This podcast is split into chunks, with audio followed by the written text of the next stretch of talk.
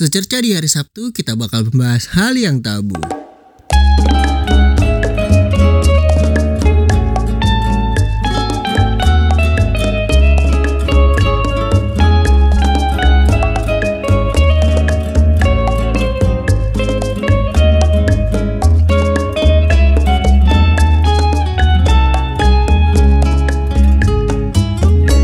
Cuma di Spotify, download Anchor app di Play Store dan App Store loh. Sosial media itu punya peraturan yang tidak tertulis, di mana situasinya ketika lo ditolak dalam sebuah ruang bicara, lo nggak boleh marah, apa pun alasannya. Sayangnya ketersinggungan banyak orang dalam sosial media itu belum bisa dieksekusi dengan baik. Lucu memang ketika dominance behavior seseorang itu ditunjukkan seberapa pintarnya skala pendidikan orang tersebut ketika orang itu tidak punya argumen untuk diskusi di ruang publik. So here's the thing. Ada tiga hal aja yang mau gue sampaikan. Yang pertama, dengar sampai habis supaya lo uh, ngerti gue ngomong apa. Gue akan berbicara dengan sejelas dan sesantai mungkin supaya kalau lo nggak ngerti lo bisa ulang lagi dan semua pernyataan yang akan lo dengar nanti itu lugas dan jelas. Yang kedua, gue cuma ngelakuin ini sekali. Kalau lo mempermasalahkan ya udah, itu bukan masalah gue tapi jadi masalah lo sendiri. Gue minta maaf kalau gue harus naikin ini di podcast karena bagi gue ya gue harus ngomong. Yang ketiga, kalau lo mau balas episode di podcast ini, gue sangat-sangat welcome. Cuman yang gue harapkan lo gunakan platform yang benar. Gue nggak peduli sejelek apa kualitasnya. Kalau podcast lo di distribusi di tempat yang sesuai gue apresiasi lo punya gadget lo orang yang berpendidikan jadi bisa tahu Rana Podcast itu ada di platform media apa saja salah satunya di Spotify kalau lo balasnya podcast ini lewat lead match dan menggunakan sistem aprum-aprum ya udah berarti emang standar pendidikan lo tidak sebanding dengan bacot lo yang so intelek itu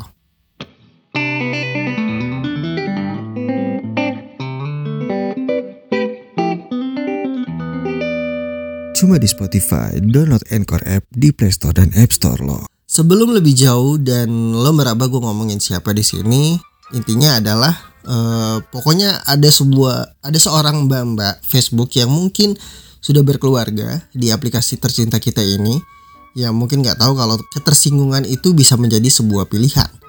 Mungkin pendidikannya ketinggian sampai lupa kalau masih baper di sosmed, lo punya pilihan buat main alfaling aja sebenarnya gue gak ada masalah yang gimana-gimana sama si mbak-mbak yang pakai nama vakum yang ada email apinya itu. Cuman agak gengges aja ketika dia menggunakan standar pendidikan yang gak tinggi-tinggi amat itu untuk katain orang. Sekali lagi, kalau lo menganggap bahwa episode ini adalah bukti bahwa gue baper, berarti emang pendidikan lo tidak setinggi yang lo katakan. Gue gak perlu jelasin kenapa segmen WTF Podcast itu ada di podcast cercah. Kita lanjut ya. Buat mbak vakum yang ada apinya, anggap aja episode ini adalah kalimat yang gak sempat keluar ketika kita diskus kemarin karena suara lo lebih berisik daripada motor dua tak yang karbunya udah mulai rontok. Gini mbak, yang gue tahu ya semakin tinggi ilmunya kalimat seperti lonte, jablay itu nggak harus keluar dari mulut lo sih. Kalau emang akunya lo punya pendidikan yang tinggi, apalagi ditunjukkan kalimat tersebut terhadap sesama perempuan harusnya lo tidak mengatakan hal-hal seperti itu karena kalimat itu cuma dipakai sama orang-orang yang minim edukasi. Apakah lo mencium anak lo atau orang tua lo dengan mulut yang sama yang lo gunakan untuk nyebut perempuan lain itu adalah lonte dengan enteng dari mulut lo? Dijawab sendiri aja ya mbak ya. Terus udah nih mbak kita kan lagi sama-sama discuss tentang temen lo yang tersinggung karena diturunin sama temen gue di satu ruang bicara. Sudah dijelaskan cuman masih belum ngerti. Jadi gue jadi pengen nanya lagi nih pendidikan lo itu setinggi itu kah sampai-sampai lo nggak dapet pendidikan literasi? Ibarat itu kayak temen lo ketahuan maling sendal sama polisi. Terus udah ditangkap terus dikasih tahu bahwa temen lo nyolong sendal. Tapi lo masih nanya kenapa nih temen lo ditangkap kalau di ilmu kedokteran ada tuh nama penyakitnya. Kalau nggak salah tolol namanya. Cuman nggak tahu ya kalau dari suara uh, dari suara lo yang enak didengar itu ya lo sih seharusnya sehat jasmani tapi nurani sama akal sehat lo agak goyang gitu makanya gue bikin ini sebagai lucu-lucuan aja gitu Kalau teman-teman perempuan gue di ruang bicara itu diam ya sudah, itu hak teman-teman perempuan gue di situ buat gak angkat bicara atau mau ikut-ikutan. Mungkin lo setelah ini akan nanya apa kapasitas gue untuk ikut ngata-ngatain teman lo di situ. Sebenarnya sederhana banget. Teman-teman gue nggak nyaman sama teman-teman lo, cuman teman lo juga udah dibilangin berapa kali mereka nggak nyaman malah temen lo ngajak gue berantem. Balik ke atas, kalau emang dari hal kecil seperti itu aja lo masih nggak terima, ya mending jual HP beli sempoa ya kan? Main alfaling selesai perkara. Salah satu temen lo itu yang namanya di Ace kalau nggak salah namanya maaf itu udah buka forum buat nengahin kita. Cuman emang ya pendidikan yang tinggi itu tidak menjamin nilai moral seseorang udah ditengahin tapi emang lo sepunya banyak waktu itu untuk menjadi bodoh keren gue bodoh gue tahu tapi gak sebanyak kayak lo dan kalau lo mau jadi orang yang tamak, yang lo ambil itu duit bukan kebodohan.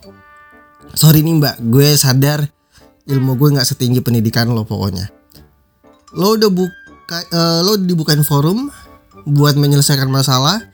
Gue respect sama temen lo si DS itu yang mau dengan legowo nengahin. Cuman emang bacot lo tidak sepintar pendidikan lo.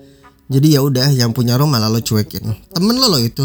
Dan buat DS, mending gue saranin lo cari teman baru yang bisa menghargai lo lebih layak sih terus gini nih mbak kata mbak itu pasangannya mas bukan om kalau gue manggil lo tante lo jawab ya emang gue nikah sama om lo itu masuk akal karena pasangannya om ya itu tante dan mbak atau mas itu adalah bahasa universal yang di mana itu adalah batasan orang normal untuk nggak sembarangan panggil nama.